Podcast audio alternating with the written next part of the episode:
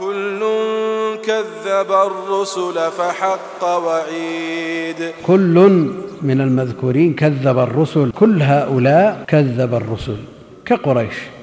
فقريش حينما كذبوا النبي عليه الصلاة والسلام لهم سلام. فحق وعيد فحق وعيد وجب نزول العذاب على الجميع. فلا يضيق صدرك من كفر قريش بك. يعني السنة الإلهية بالنسبة للمخالفين لا تتغير ولا تتبدل. فمتى وجدت المخالفة؟ وأيس من الاستجابة حق الوعيد وحقت كلمة العذاب.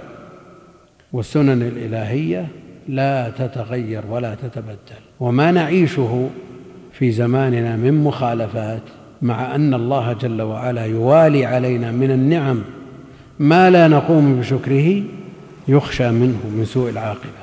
فلو قرأنا في المجلد السادس من نفح الطيب وجدنا الصورة مطابقة. لكن نسأل الله جل وعلا أن يتداركنا وأن يردنا إليه ردا جميلا. فالسنن الإلهية لا تتغير ولا تتبدل. يعني ما استثني من الوعيد الذي حق على هؤلاء المكذبين إلا قوم يونس. استثنوا. لما رأوا العذاب آمنوا وإلا حق الوعيد ورأوا العذاب ما فيه. سنن لا تتغير ولا تتبدل.